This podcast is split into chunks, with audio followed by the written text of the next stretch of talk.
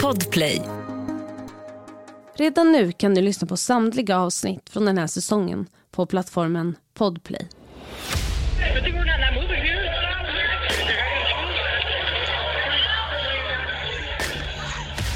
images like that, and you, you can hear the panic, can hear the chaos. You can see kind of the folks scrambling to get out of what must have been a horrible scene. And we're looking at video now from inside that theater. It, it appears to be chaotic. You can hear. Det är sommar 2012, 20 juli. Vi befinner oss i en biograf i Colorado, USA. Det har blivit dags för midnattsvisningen av den nya Batman-filmen The Dark Knight Rises. Men bara 30 minuter in i filmen ska ett vanligt biobesök förvandlas till något helt annat då Batman-skurken Jokern plötsligt existerar i den verkliga världen. Du lyssnar på Jakten på mördaren med mig, Saga Springhorn. Jag vill varna för grovt innehåll i dagens podcastavsnitt.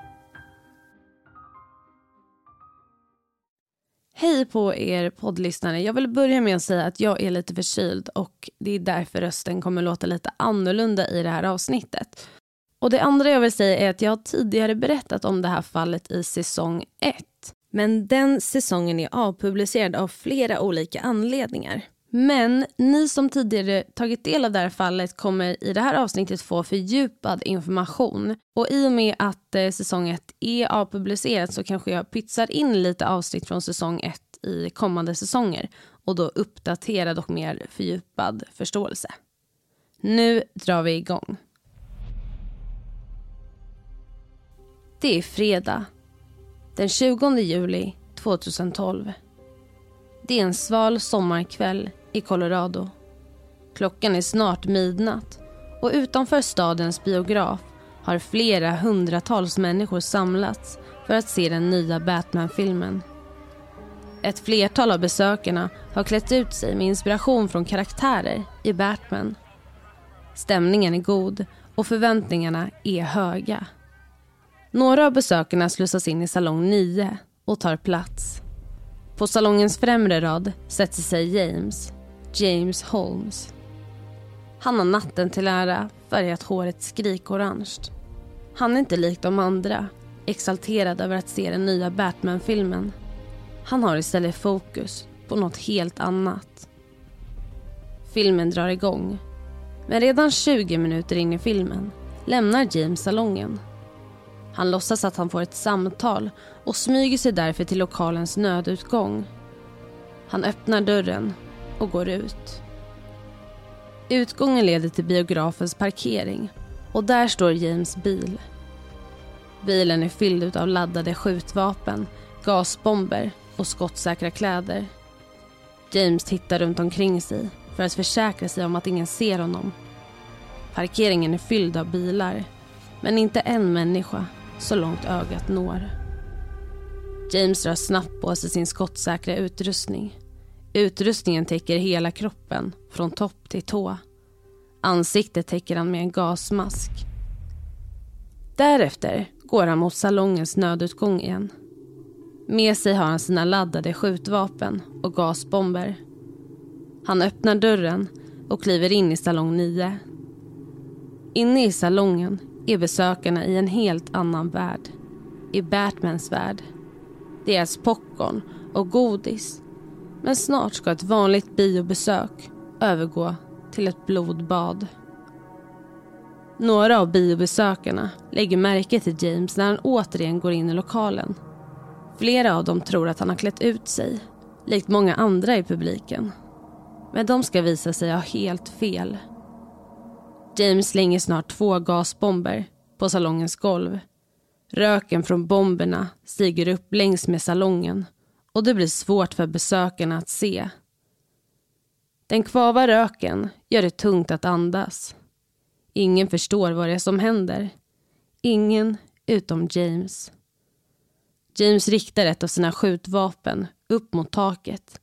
Därefter riktar han vapnet mot det enorma publikhavet som utgörs av cirka 400 människor.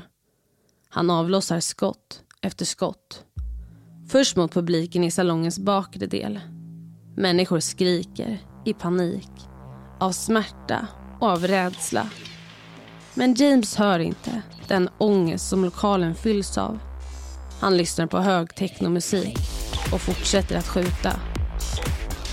Människor försöker nu fly längs med gångarna i salong 9.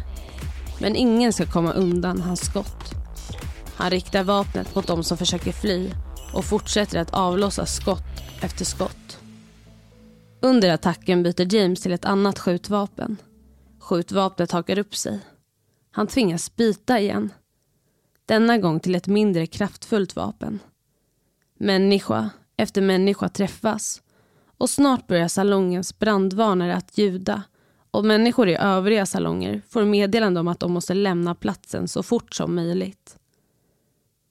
Men det är inte bara människor i salong 9 som träffas av James kulor.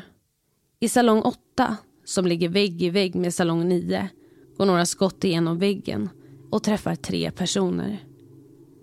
James Holmes hinner inom loppet av tio minuter avlossa 76 skott.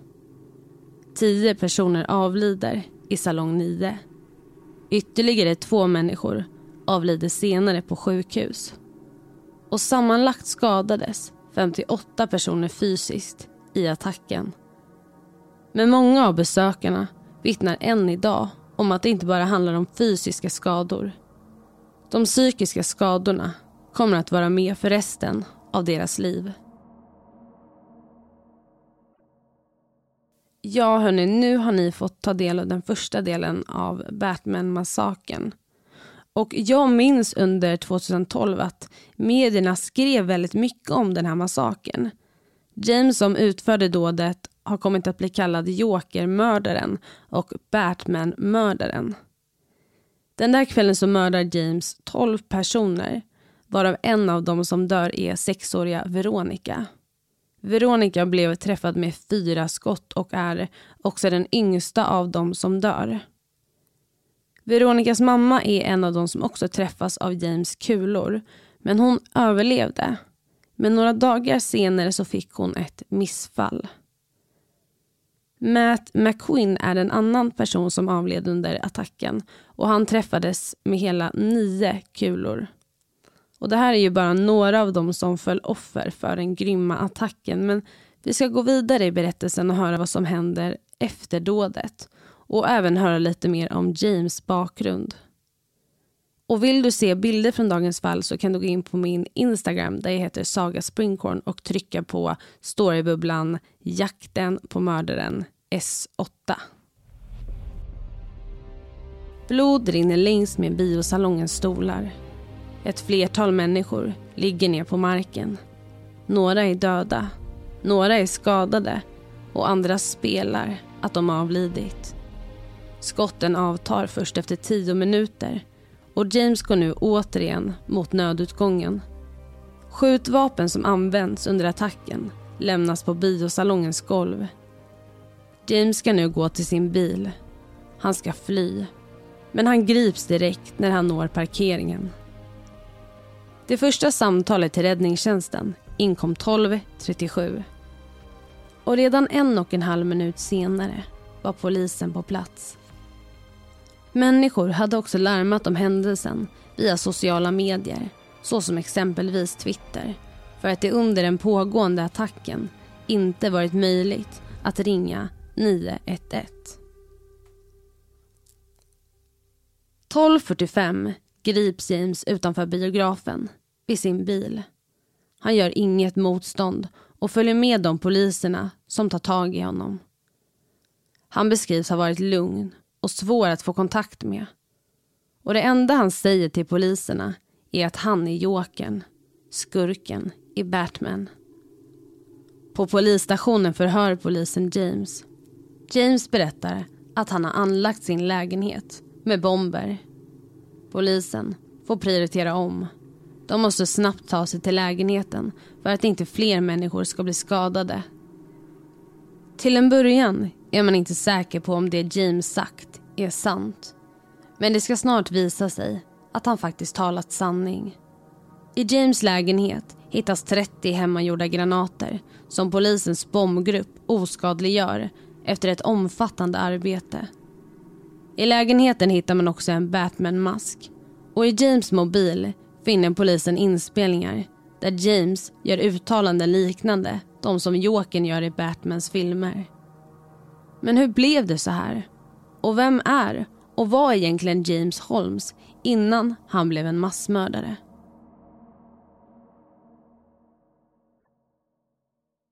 –1987 föds James Holmes i San Diego, Kalifornien. Hans mamma och pappa har längtat efter den här dagen i många år. De har bett till Gud för att få ett barn. Och äntligen kom deras mirakel. Deras James. James är deras förstfödde son. Men bara några år senare föds James syster, Chris. Tillsammans växer de upp med sina föräldrar och familjens hund i Oak Hills, Kalifornien. James beskrivs ha varit en lycklig pojke. Han presterade på topp i skolan och hade redan tidigt i livet ambitioner på att i framtiden göra vetenskapliga upptäckter som kunde förändra världen. På fritiden spelade James piano och intresserade sig för fotboll och basket. En till synes helt normal och bekymmersfri pojke. Senare flyttade familjen till ett nytt område i Kalifornien. Flytten blev inte som föräldrarna tänkt sig. Den bidrog till att James drog sig undan mer och mer. Han hade svårt att hitta vänner i sin nya skola och intresserade sig istället för tv-spel. Under den här tiden blev James rankad som en av de bästa i hela världen på tv-spelet Warcraft 3. Hans mamma var dock bekymrad. Hon försökte hitta vänner till James, men utan resultat. När James några år senare börjar i high school förändras hans liv. Han bor i en lägenhet nära campusområdet. Han presterar på topp i skolan, hittar tillbaka till sina gamla intressen och skaffar sig nya vänner. Varje vecka träffar James sina vänner för att titta på tv-serien Lost. Det är höjdpunkten på veckan. Under den här tiden blir James också medlem på dejtingsidan Match.com. I sin profil skriver han “Vill du besöka mig i fängelset?” Han skriver också att han gillar technomusik och han söker efter citat “sexy times”. Utåt sett verkar han vara lycklig igen. Och 2010 erhåller han slutligen en kandidatexamen i neurovetenskap, vetenskap om nervsystemets uppbyggnad vid universitetet of California, Riverside i San Diego. När James avslutat studierna söker han sig till sitt föräldrahem där han återigen drar sig tillbaka. På dagarna jobbar han på en fabrik som tillverkar läkemedel och en kollega anser att James beter sig underligt. Han står ibland och stirrar ut i tomma intet. Det är som att han försvinner. Och James hade också svårt att kommunicera med sina kollegor. Snart säger James upp sig. Han har kommit in på en ny skola och bestämmer sig för att studera vidare. Men det blir inte riktigt som han tänkt sig. James som tidigare haft det lätt för sig i skolan halkar nu efter. Han får inte längre toppbetyg och kämpar för att hänga med i studierna. Han börjar tappa intresset. Han påstår att hans hjärna har gett upp. Den är trasig, säger han. Han orkar inte med alla presentationer och labbuppgifter som skolan kräver. Det blir för mycket.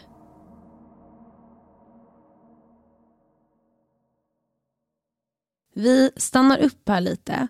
Nu har ni fått höra lite om James. Och Han var som barn en till synes glad pojke som inte hade några större problem, i alla fall inte vad man trodde. Men det är ju inte hela sanningen. James har berättat i efterhand att han har lidit av psykisk ohälsa så länge han kan minnas. Och Under tiden som han studerar 2012 så uppsöker han en psykiatriker på campus och han berättar för den här psykiatrikern om sin ångest och att han ibland tänker på att han vill döda människor. Den här psykiatriken säger att eh, ja, men det är många som mår dåligt James och det är många som har tankar om att döda människor utan att egentligen mena det. Och Psykiatrikens bemötande och bedömning har kritiserats av många i efterhand med tanke på vad som hände därefter massakern. Men James får i alla fall ångestdämpande av den här psykiatriken. Men hans längtan efter att döda människor försvinner inte.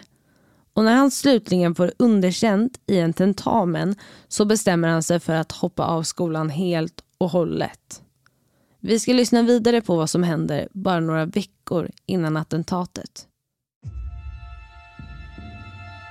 Den 22 maj 2012 går James in i en vapenbutik och köper sitt första vapen som senare ska komma att användas under massakern i salong 9. Några dagar senare köper han ytterligare ett vapen. Och direkt efter att James misslyckats med sin tentamen så köper han ett tredje vapen. James har licens för att köpa dessa vapen. Det innebär att det är fullt lagligt för honom att införskaffa sig dem och bevara dem hemma.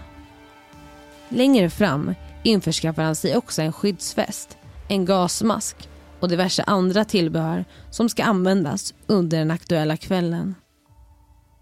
Den 7 juli beställer James en biobiljett till The Dark Knight Rises, midnattsvisningen. Och den 19 juli, dagen innan attentatet, åker James till biografen där massakern snart ska utspela sig. James går in i salong 9. Han kollar hur det ser ut. Men ganska snart lämnar han lokalen. Den 20 juli genomför han sin plan. Han dödar ett flertal människor och skadar ett hundratals personer både psykiskt och fysiskt. När rättegången drar igång mot James trycker hans advokat på att straffet bör vara förmildrande i och med James psykiska ohälsa.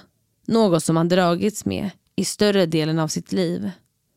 James uttrycker inte i rättssalen varför han valt att utföra dådet. Han hade ingen förklaring. Den närmsta förklaringen som han uttryckte är att han är jokern Batmans ärkefiende.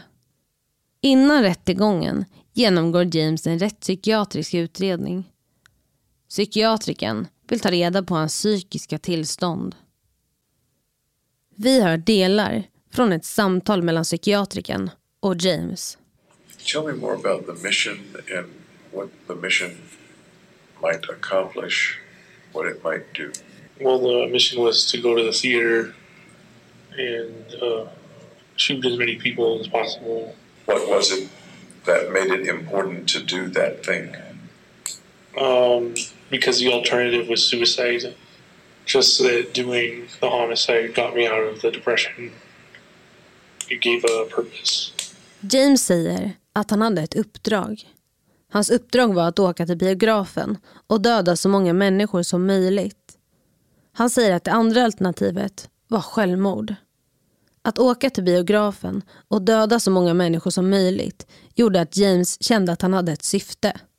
Något som gjorde att han tog sig ur sin depression.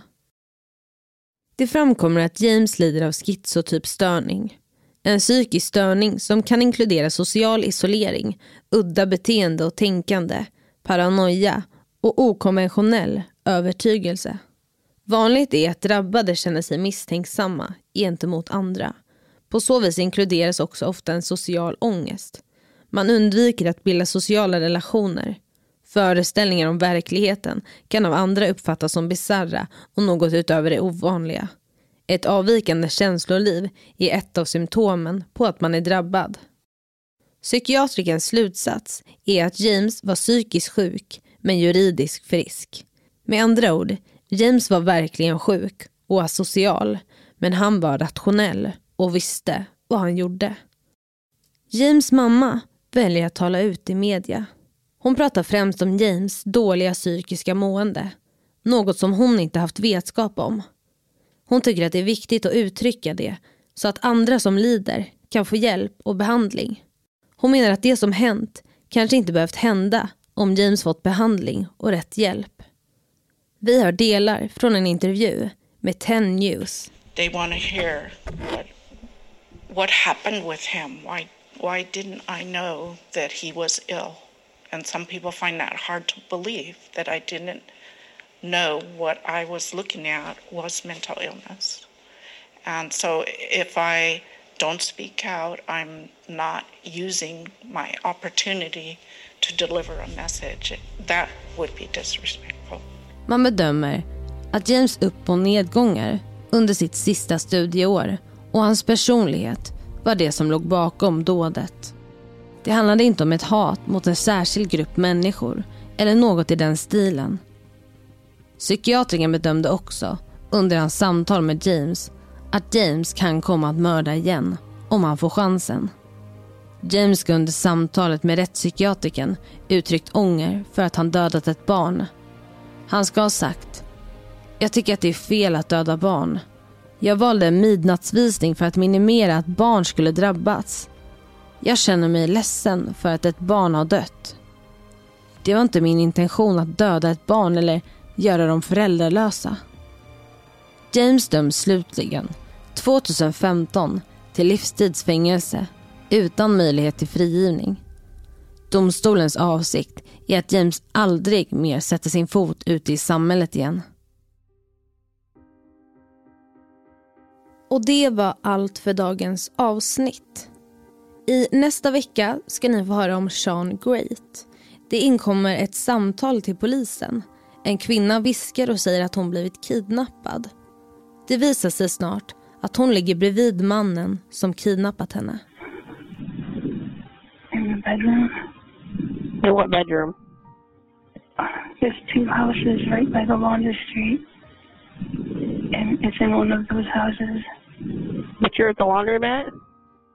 No, I'm I'm in the bedroom with them. Om du inte orkar vänta till nästa vecka så finns det här avsnittet redan nu publicerat på plattformen Podplay. Om du vill komma i kontakt med mig och tipsa om fall så kan du skriva till mig på Instagram där jag heter Saga Springkorn eller mejla till jaktenpamordaren springkorn.se. Tack för att du har lyssnat på dagens avsnitt. Podplay, en del av